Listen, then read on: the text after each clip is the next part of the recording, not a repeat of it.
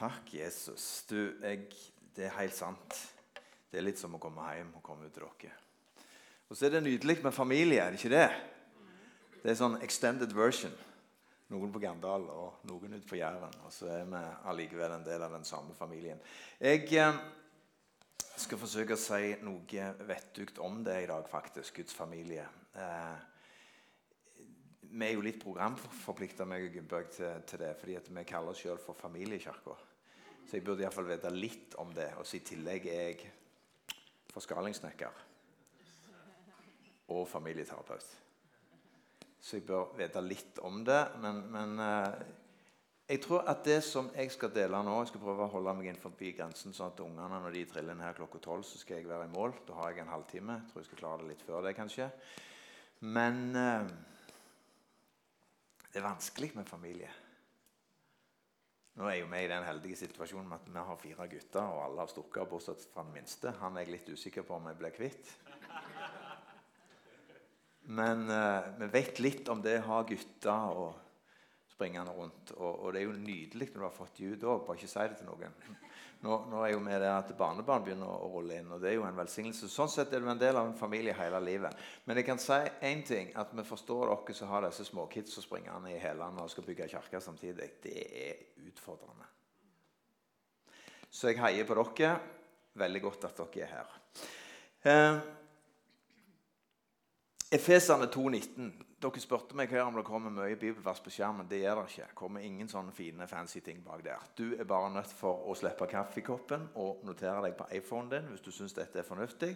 Hvis ikke så kan vi sikkert hive denne talen over til deg på et eller annet vis. Jeg vet ikke om de tar den opp heller. det kan jo være. Men anyway, jeg tror at eh, det er såpass vettugt at du skal få noe igjen.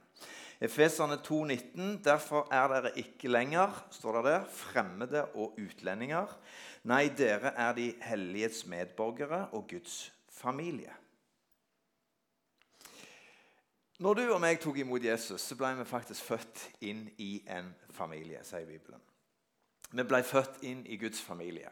Det er mange oversettelser av Bibelen. Det er forskjellige versjoner. På engelsk er det en som heter 'Amplified'. Den er litt forsterka, og der står det som følger So then you are no longer strangers and aliens er jo litt spesielt, da. But members of God's household. Og i The Message så står det God is building a home. Gud bygger et hjem. Det er det han gjør. Det er det familie handler om. Det er det Guds familie handler om. Vi tok imot Jesus og ble en del av en familie. Og Denne familien har jo en atmosfære, eller har verdier. Og Jeg skal ta deg kort inn i noe vi kunne brukt lang tid på å lage en hel serie av. Men hvis du går til apostelgjerningene, trenger ikke slå opp nå, men apostelgjerningene kapittel 2 og 41-47, så ser du at den definerer litt den kulturen som preger den første eller den første kirka. Det var en kultur der. Og Jeg skal ta deg igjennom bare helt kort 15 verdier. Så vet jeg at uh, det er gjerne ikke alle de som fester seg, men jeg prøver i alle fall. Det var 15 verdier i apostelgjerningene 2. For det kan hjelpe dere når dere skal begynne å tenke litt Hvordan vil vi ha familien vår hjemme? Eller hvordan vil vi ha det på en måte også i kirkefamilien vår? Eh, og det du ser der, det er at det er 15 verdier. Den første var dåp. Nå var det noen som jeg vet ikke hvem som på en måte kommenterte at dere har jo lagd dåpskummene klar her ute allerede. Det er bare å ta ut blomsterpotten, og så er det bare å få de unna. Det var noen av dere som kommenterte det. Jeg klarer ikke å peke de ut nå, men, men det ble iallfall sagt her. Dåp de tok altså imot, og så ble de døpt. Det var det første.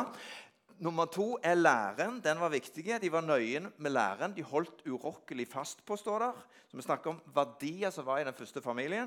Samfunn. Altså, de hadde fellesskap. De trakk seg ikke unna, men de kom i sammen og var i sammen. Og så brøt de brødet. så Noen av disse verdiene har jo dere etablert allerede. Brødsbrytelse var en viktig verdi, for de minte hverandre på Jesus. Det hjelper oss å holde fokus. Så er det bønn. Bønn er viktig fordi det forløser også Guds nærvær og Guds kraft iblant oss. Og så var det en ting som vi gjerne ikke snakker så mye om nå, men det var frykt. Nå, Ikke en sånn frykt som på en måte får deg til å bli redd, men Guds frykt var det i den første forsamlingen. Denne gudsfrykten gjorde at de levde i nærkontakt med Guds hellighet, kanskje i en annen grad enn det vi gjør i dag. Og så var det under og tegn. Jeg Vet ikke hvor mye under og tegn dere har, men vi har altfor lite på Gandalen. Kunne sett mer. sant? Men under og tegn var en del av denne på et vis eh, kulturen som de levde i. De hadde arena for det overnaturlige. Og så hadde de ting felles, altså de brydde seg om hverandre. Det var ingen egoistisk livsstil.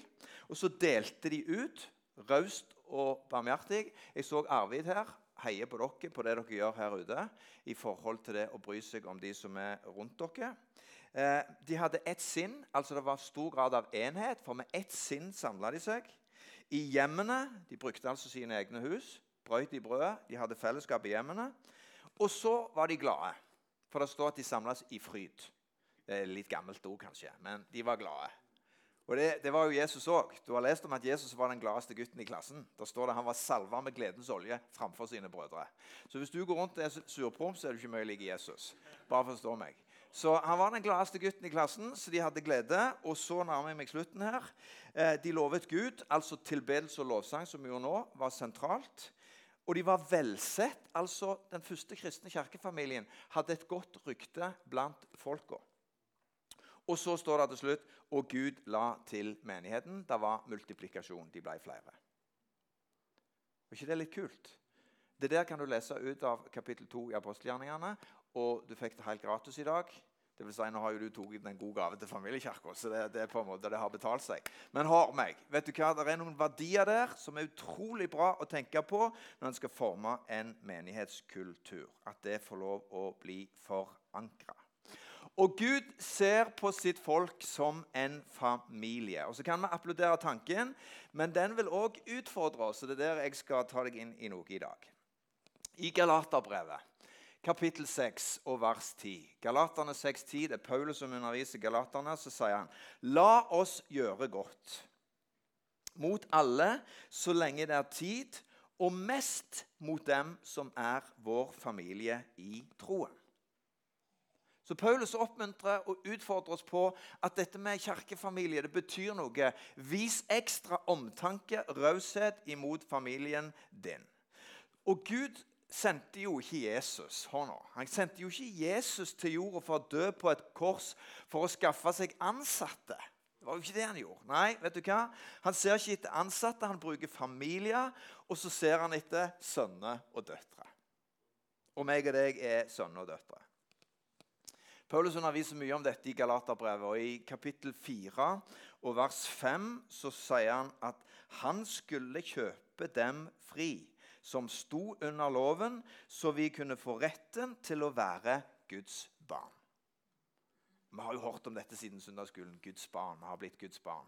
Eh, og Det er jo en nydelig betegnelse på meg, det meg og deg er. Og Johannes, han som lå med Jesu bryst vet du, og, og, og, hadde skjønt dette med relasjon til Jesus, han tar det jo enda lenger. Han sier i 1. Johannes brev, kapittel 3, vers 1.: Se hvor stor kjærlighet Far har vist oss. Vi får kalles Guds barn, står det der. Amen. Jeg går til Hagenbøg her, for jeg skulle bare punktere. Fikk dere med dere det? For det er rett etterpå står det 'Og det er vi'. Så jeg er kongebarn. Og det må du bare si deg sjøl i speilet når du står opp om morgenen. sant? Jeg, jeg, er hans favoritt. Fordi det er en fantastisk sannhet når det får sette seg. Og så er det sånn at Gud handler med oss som sine unger fordi han vil ha en familie som representerer det han er.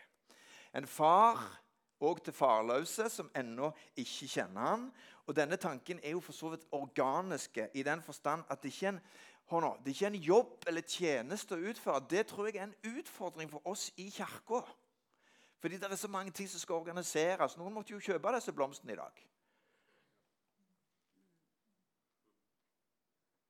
Jeg har en mistanke om at det var Line Marie. Å, oh, Børge, er du her? Det var mannen, gjerne? Ja. Halleluja. Men det var iallfall noen som gjorde det og tenkte på det. skjønner du? Så du kan sette et eller annet som kreves noe av en familie, mødre og fedre. Jeg skal komme litt tilbake igjen til det. Men det er noe som vi faktisk vokser inn i. Du fødes inn i den, og så velger du faktisk ikke broren og søstera di. Det òg er slitsomt. Du vet, Jeg er vokst opp på Gandalen, og hjemme i Øykjabakken, der jeg er vokst opp, der vokste jeg opp med en onkel. Kanskje noen har hørt meg si det før. Men onkel Ragnar var veldig spesiell. Han er død for mange år siden. Han var Det går mest gjerne å beskrive men han var ekstremt spesiell. Skjønner du? Og, i, og, De fleste av oss kunne tenke som så at jeg skjems av onkel Ragnar. Men jeg gikk aldri rundt og skjems av Ragnar selv. om Han var, var, utrolig spesiell. Jeg skal ikke gå i detaljer. Men sannheten er det at jeg visste at han var bror til faren min. Og når han var bror til faren min, så var han onkelen min. Og i kraft av det så var det den samme blodlinja. Det var rett og slett det samme DNA-et som var i denne familien. Så jeg tenkte Ragnar, du er spesiell, men du er onkelen min. Har du en sånn spesiell onkel? Jeg vet ikke, jeg, Du trenger ikke peke han ut nå. Men poenget er bare det er noen i en familie som kanskje er litt annerledes skrudd i sammen enn andre. Men ikke det er litt nydelig, da? Hvis alle var smokk like. Det betyr altså at i en familie så må vi verdsette hverandre på tross av disse forskjellene. Og Så hørte jeg en liten historie her for en tid tilbake om en liten gutt. Eller vi kan si det på en annen måte. Det var en far som hadde en sønn på tre år. Og Hver gang sønnen reiste seg fra stolen han så og spiste, så lagde han en sånn litt stønnende, merkelig lyd. og Faren kunne ikke forstå det. Helt til en dag far sjøl reiser seg, og så reiser han seg. Åh, åh. Og da plutselig skjønte han at sønnen hadde ikke gjort noe annet enn å imitere far. For han trodde at hver gang du skulle reise deg fra bordet, så skulle du Åh, ah. Skjønner du? Vi harmer etter faren vår. Og Noen ganger kan det se litt spesielt ut, fordi det blir en vane. Og kirka kan bli en sånn vane. Så hvis du kommer til Gandalen, så er gjerne vi litt mer høylytte, for vi er jo pinsevenner. Vi klatrer ikke i gardinene. Men vi er annerledes i måten vi uttrykker det på. Det har blitt naturlig for oss. Hendene er litt høyere enn det de er på Vigrestad. Og Jeg sier ikke at Gud sliter med om hendene der eller hendene der. Jeg sier bare at vi utvikler mønster fordi vi er en del av en familie. Det skjønner vi. sant? Så poenget er at vi må lære oss å verdsette disse forskjellene som familie representerer. Hvorfor vise godhet? Hvorfor vise raushet? Hvorfor anerkjenne hverandre, vise overbærenhet og hedre? Jo, fordi det er noe far gjør. Det ligger altså i familien. Og Jesus er jo vårt beste eksempel. og jeg skal ikke stoppe mye med det, men i i eh, Johannes evangelium så kommer jo dette veldig tydelig fram. I kapittel 13, 14, 15 og 16 så kommer eksemplene tett. Han taler om seg sjøl som en del av en familie, kontakt med far. Han vet at han er på vei til sin egen død i Jerusalem, men velger å la denne forræderen Judas, som jeg og deg hadde slitt med, det garanterer jeg deg, å duppe i sin egen skål, selv om han visste at han kom til å forråde ham. Han inkluderer Judas i fellesskapet. Og så utfordrer han disiplene der og da med å begynne å vaske hverandres føtter. Og bare være en som tjener og legger ned sitt eget liv. Og så avslutter han med å si 'elsk hverandre'. Sånn som jeg har elska dere. Elsk hverandre. Johannes 13, 34. Ved dette skal alle forstå at dere er mine disipler, at dere har kjærlighet til hverandre. Det betyr altså at Jesus han så jo på sine disipler som brødre. Han definerte ikke noen inn og andre ut, som vi gjerne har en tendens til. Og om vi ikke har rette briller på oss, så kan vi gjøre det. Fordi at familie kan i en sekulær virkelighet erstattes av individualisme. Og så havner vi i våre ekkokammer som gjør at vi holder med de som er på den linja. Og dette har vi sett tydelig nå i nedstenging i forhold til for og mot vaksine. Og alt dette. Og så kan vi til og med splitte menigheter. Jeg hørte om en menighet litt lenger nord nå som ble splitta i to pga. vindkraft. Noen for og noen imot disse som sviver på Jæren. Jeg liker det ikke heller når de blinker utover Jæren. Ja, da er du i min kirke. Men skjønner du, vi kan havne litt i våre ekkokammer som gjør at vi mister familie. Det skal vi være litt observante på. Jesus han definerte 'elsk hverandre'. Det er hva familier gjør. Nå, nå bor dere på Vigrestad. Det er ikke, det er ikke 13 sånn femstjerners restauranter på Vigrestad. Er det det? Det begynner å komme noen få på Sandnes nå, men det har vært dårlig der òg. Men forstå meg, du har vært på restaurant, og så har du på en måte gleda deg litt, kanskje hatt med deg noen, og så opplever du faktisk at du kommer inn på restauranten, og det er en plage at du er der. Elendige service, dårlig mat. Og så gjør du som de fleste. Noen protesterer jo jeg holdt på å si, eh, og er irriterte. Men andre bare betaler, så forlater du plassen. Men én ting gjør du etter du har vært på en sånn restaurant. Du går ikke tilbake igjen der neste helg. Det er det ene. Det andre er at du forteller kompisene dine på en måte stay clear, ikke, ikke oppsøk den plassen. Stemmer ikke det? Du, liksom, du på en måte springer ikke dørene ned på den restauranten. Om du derimot er hjemme Dere sier hjemme på Jæren. sant? Om du derimot er hjemme i ditt eget hus, så kommer du inn, slenger fra deg ytterjakken, finner sofaen, og så venter du på at kona og ungene skal komme med menyen og finne fram tøflene dine. Om det så ikke skjer, blir du like frustrert da? Jeg håper ikke det. Hvorfor? Fordi det er forskjell på å være på restaurant og det å være hjemme. Hva er forskjellen? Du er blant familien din. Og du kan ikke bare spasere Du kan ikke bare spasere ut av familien om kona skulle være så uheldig å ha akkurat litt sånn tomat i salaten, selv om du ga beskjed for tre år siden at det var ikke det du var mest begeistra for. Da kan ikke du bare, liksom bare klikke totalt på den tomaten. Skjønn meg, du er ikke på en femstjerners restaurant. Du er hjemme. Og mange i kirkene våre tenker ikke over at det er sånn vi behandler familien vår.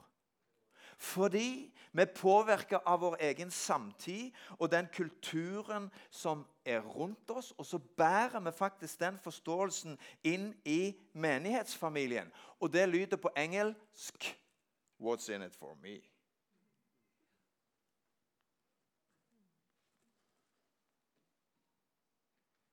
Vi tror faktisk at vi har rett til å behandle menighetsfamilien som om den var en femstjerners restaurant, og at den var til for meg.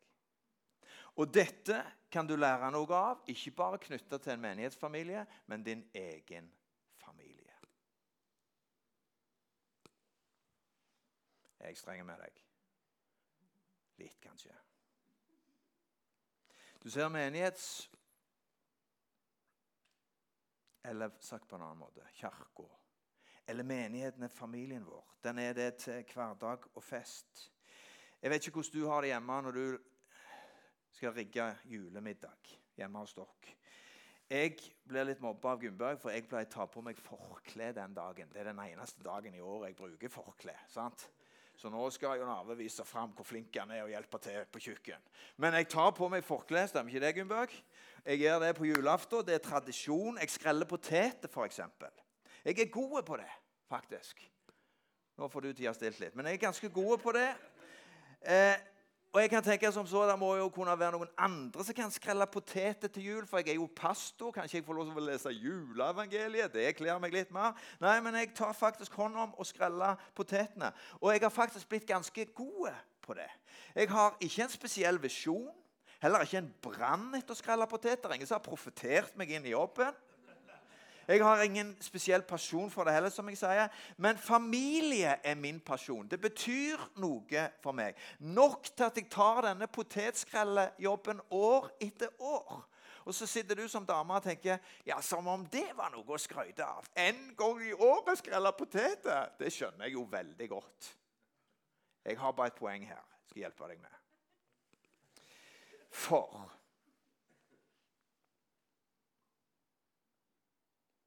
Det er sånn at I en familie så er vi mødre, og så er vi fedre. Og så strekker vi oss litt lenger, som tjener, som legger til rette. Det er det dere står i denne småbarnsfasen, for at ungene skal ha det bra. Og så skjer det selv om du ikke blir takka for det. Du gjør det fordi det er det familie faktisk handler om. Og når du og meg ser menighet med disse familieøyne, så tror jeg at mye av perspektivet i kirkene våre kommer til å endre seg. Ja, men jeg, jeg liker ikke det der barnearbeidet. Det er slitsomt. Jeg får ikke sitte oppe. Og jeg, jeg er jo her for å bli betjent sjøl. Om jeg nå først skal gå i ei kirke, så vil jeg ha hamburger. For hamburger er det jeg liker. Og her har de av og til sild, og jeg liker ikke sild. Ikke jeg heller, forresten. Men jeg melder meg ikke ut av kirka fordi om de av og til har sild.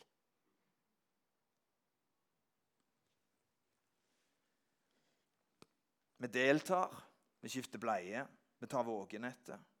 Vi bidrar med det vi har av talent og gaver, fordi det er det familier gjør og hører.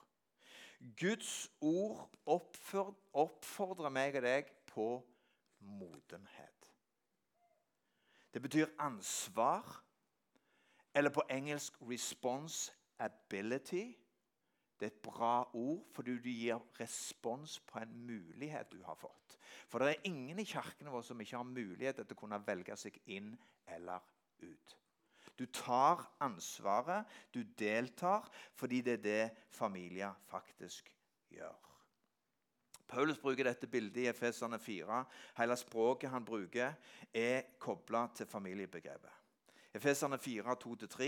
Sett alt inn, sier Paulus, på å bevare åndens enhet i den fred som binder sammen. I mildhet, ydmykhet og storsinn, så dere bærer over med hverandre i kjærlighet. Og Da er oppmuntringen vår voks opp med en kropp, ikke vær som umyndige småbarn. Bruk gaven din, bevar enheten, bli det modne mennesket, vær et støttende bånd. Og Kristne kan jo stoppe i sin åndelige vekst fordi de aldri ser på menighet som en familie. Og det er det det faktisk er. Det er overlevering, det er barn, det er barnebarn. Og vi har fått lov å stå i denne fasen. med Gunnberg planta familiekirke for 20 år siden. Jeg kan garantere deg én ting. Det er noen ganger vi kunne tenkt oss å låst døra og heve nøkkelen. Men vi gjør det fordi at Gud kalte oss til noe. Og Det betyr altså at du gir deg til noe long term. Og Hvis du gjør det lenge nok, så putter du såkorn ned, og det vet du mye om på Jæren. Og etter hvert så vil det begynne å spire og gi vekst. Du gjør det i familien din hjemme, men du gjør det òg i kirka. Dette er hva gavene handler om. Gi de inn i familien. Å sikre at vi vokser opp til modenhet, det er faktisk det sikreste tegnet på åndelig modenhet. Det er personlig ansvar. Det er sånn i en familie og Vi kan ikke lenger opptre som brukere fordi jeg fortjener det. Det er sånne holdninger nå, som gjør at familier ryker. Spør meg som familieterapeut. Jeg sitter på kontoret med disse som på en måte bare snurrer rundt seg sjøl. Og så har de ikke helt skjønt at eh, vet du hva, du må se gullet i den andre. Du må være villig til å investere. Du må legge ned livet ditt. Det er tøft av og til. Ingen ser deg. Du får ikke applaus. Får ikke hamburger hver dag. Men du gjør det fordi det er familien din. Wow. Jeg vet jeg formaner deg, jeg vet jeg oppmuntrer deg litt òg. Men vet du hva? vi trenger strekke hverandre på dette hvis vi skal se Sunne kirke vokse fram.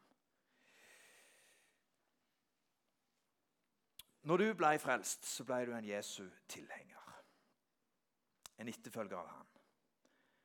Og Så ber han deg om en del ting. Han ber deg om å be, han ber deg om å legge hendene på de syke. Han ber deg om å tjene, gi og ta hånd om de fattige. Elske det neste som deg sjøl. I stedet så kommer mange til menigheten og ber om at tjenestegavene skal betjene dem. Men det er jo de sjøl som skal være med og på et vis bidra. Og Det er noe av det kirka handler om. Det er derfor jeg har lyst til å oppmuntre dere heie på dere til å bli sånne som faktisk bidrar med. Bygg noe for meg, noe som er godt. Noe som kan tilføre livet mitt noe. Ungene mine. Det er det jeg fortjener. Men ikke vent at jeg skal bidra for meg sjøl. Hva slags tilbud har dere til cellegrupper i denne kirka? Vi har ikke det oppe å gå ennå, for vi har ikke fått det helt til. Men du kan jo invitere med deg en annen familie på middag. Ta initiativ, og så kan dere starte ei sånn cellegruppe sjøl. Har dere sånn nyfrelstarbeid i denne kirka? Nei, vi har ikke det. Men i Herren Jesu navn så legger jeg hendene på deg og innsetter deg som nyfrelsleder. Bare gjør det. Hører du? Vi kan havne litt i på en måte Er det noen som kan være her i denne kirka og ta hånd om alle mine behov, men ikke bland meg inni det? Kunne du tenkt deg å være i velkomstkomiteen kanskje en gang i måneden? Det kunne gått. Nei, det vet jeg ikke om det klarer. For det kan på en måte være den, akkurat den dagen jeg har satt av til spakveld. Eller jeg skulle vært på hytta mi. Mm -hmm. Jeg vet ikke om jeg får komme igjen nå. Er jeg stygg med dere nå?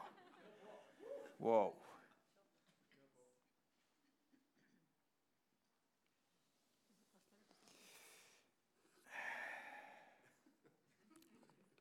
Skal det, Gunnbjørg. Men lytt for å vokse, ikke for å bli fordømt.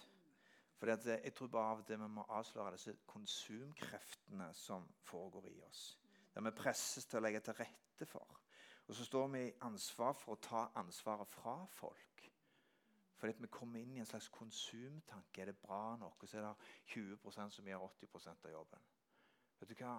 Vi kan se en eksplosjon av vekst her hvis bare vi begynner å løfte blikket litt og håndtere Kirka som en familie Vilje til å brette opp armene og tenke dette gjør jeg fordi jeg har utvikla en modenhet. Vi forventer ikke det av unger, men forventer det av voksne folk. Familier oppdrar barn. Familier gjør disipler. Ikke fordi vi er betalt for det, men det er jo fordi det er det familier gjør. Nå er jo jeg pastor. Men det er ikke min oppgave til hånd om din nabo. det kan Jeg ikke heller. Jeg kan oppmuntre, trene og gi deg påfyll, men det blir ditt ansvar å være en disippel og gjøre disipler. Like mye som mitt. Og hva om vi som modne, som er frelst og har vært frelst i årevis, faktisk omvender oss fra denne konsumtanken og begynner å lene oss inn? Blir en del av svaret for denne menighetsfamilien, at den skal få lov å blomstre.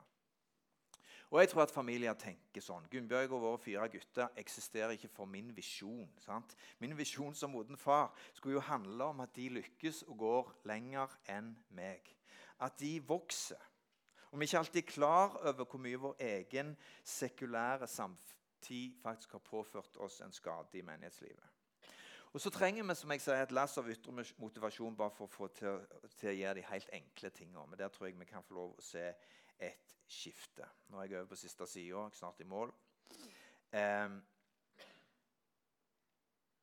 vekkelse hadde vært kjekt. Hadde det ikke det? Vi ber jo om det òg men utøsing av Guds ånd. Men hva om det er sånn at uh, faktisk det er enklere enn det vi tror? At vekkelse begynner med vår egen familie. Og at faktisk, hvis vi begynner å ta dette på alvor, hva Gud har kalt oss til, av kjerneverdier som skal ligge i en familie Vi elsker hverandre, vi bryr oss om hverandre, vi strekker oss lenger i forhold til hverandre. Vi tar i et tak når det er et behov for det. Det er ikke alltid det blir synlig, men vi gjør det fordi dette er familien min. Hva kan da skje? Sunne familier jeg tror at det kommer til å bli det mest attraktive som fins. Og jeg har lyst til å la Guds ånd utfordre deg, hjertet ditt, avsløre det du har behandla menigheten feil, eller som en restaurant og ikke som en familie. Ta med deg det bildet. tror jeg kan være nyttig. Jeg skal fortelle deg en historie til slutt. Når jeg og Gunnbjørg ble gift, så var vi utrolig tidlig gift. Gunnbjørg liker ikke jeg sier det, derfor skal jeg ikke si det akkurat det du vet jeg tenker på nå.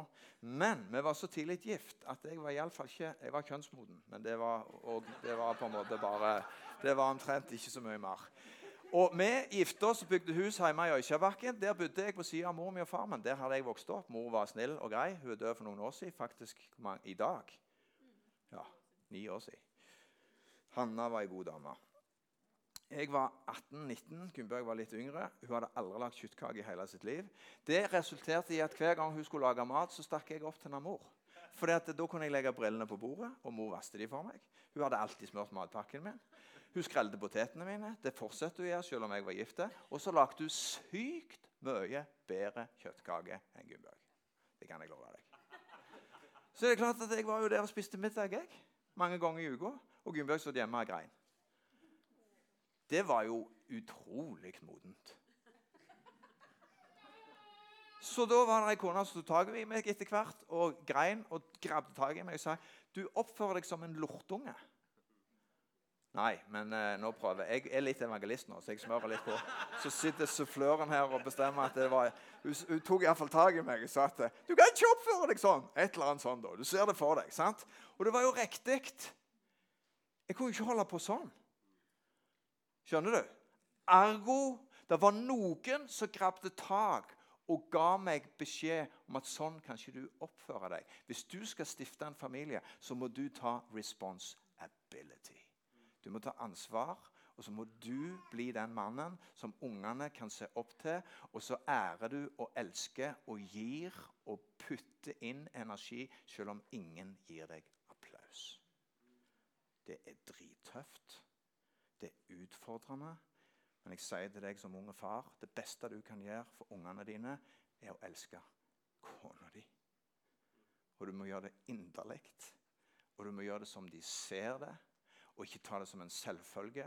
Og hvis du skal kjøpe blomster, så er det ikke halvvisne på Statoil, men du spanderer 600 kroner med cellofan og gjør det skikkelig. Det er det du gjør. I mean it.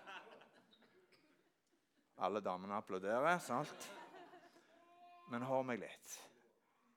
Jeg tror at jeg har fått overlevert noe til deg i dag som gjør at du kommer vekk fra restauranttanken.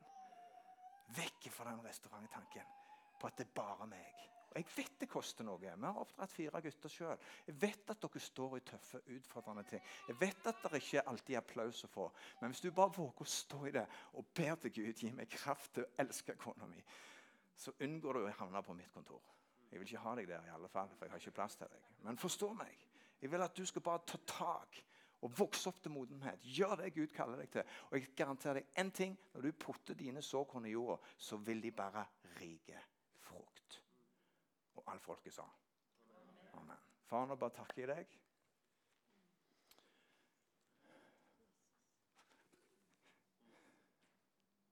Takker deg. For du bare senker ditt nærvær over oss.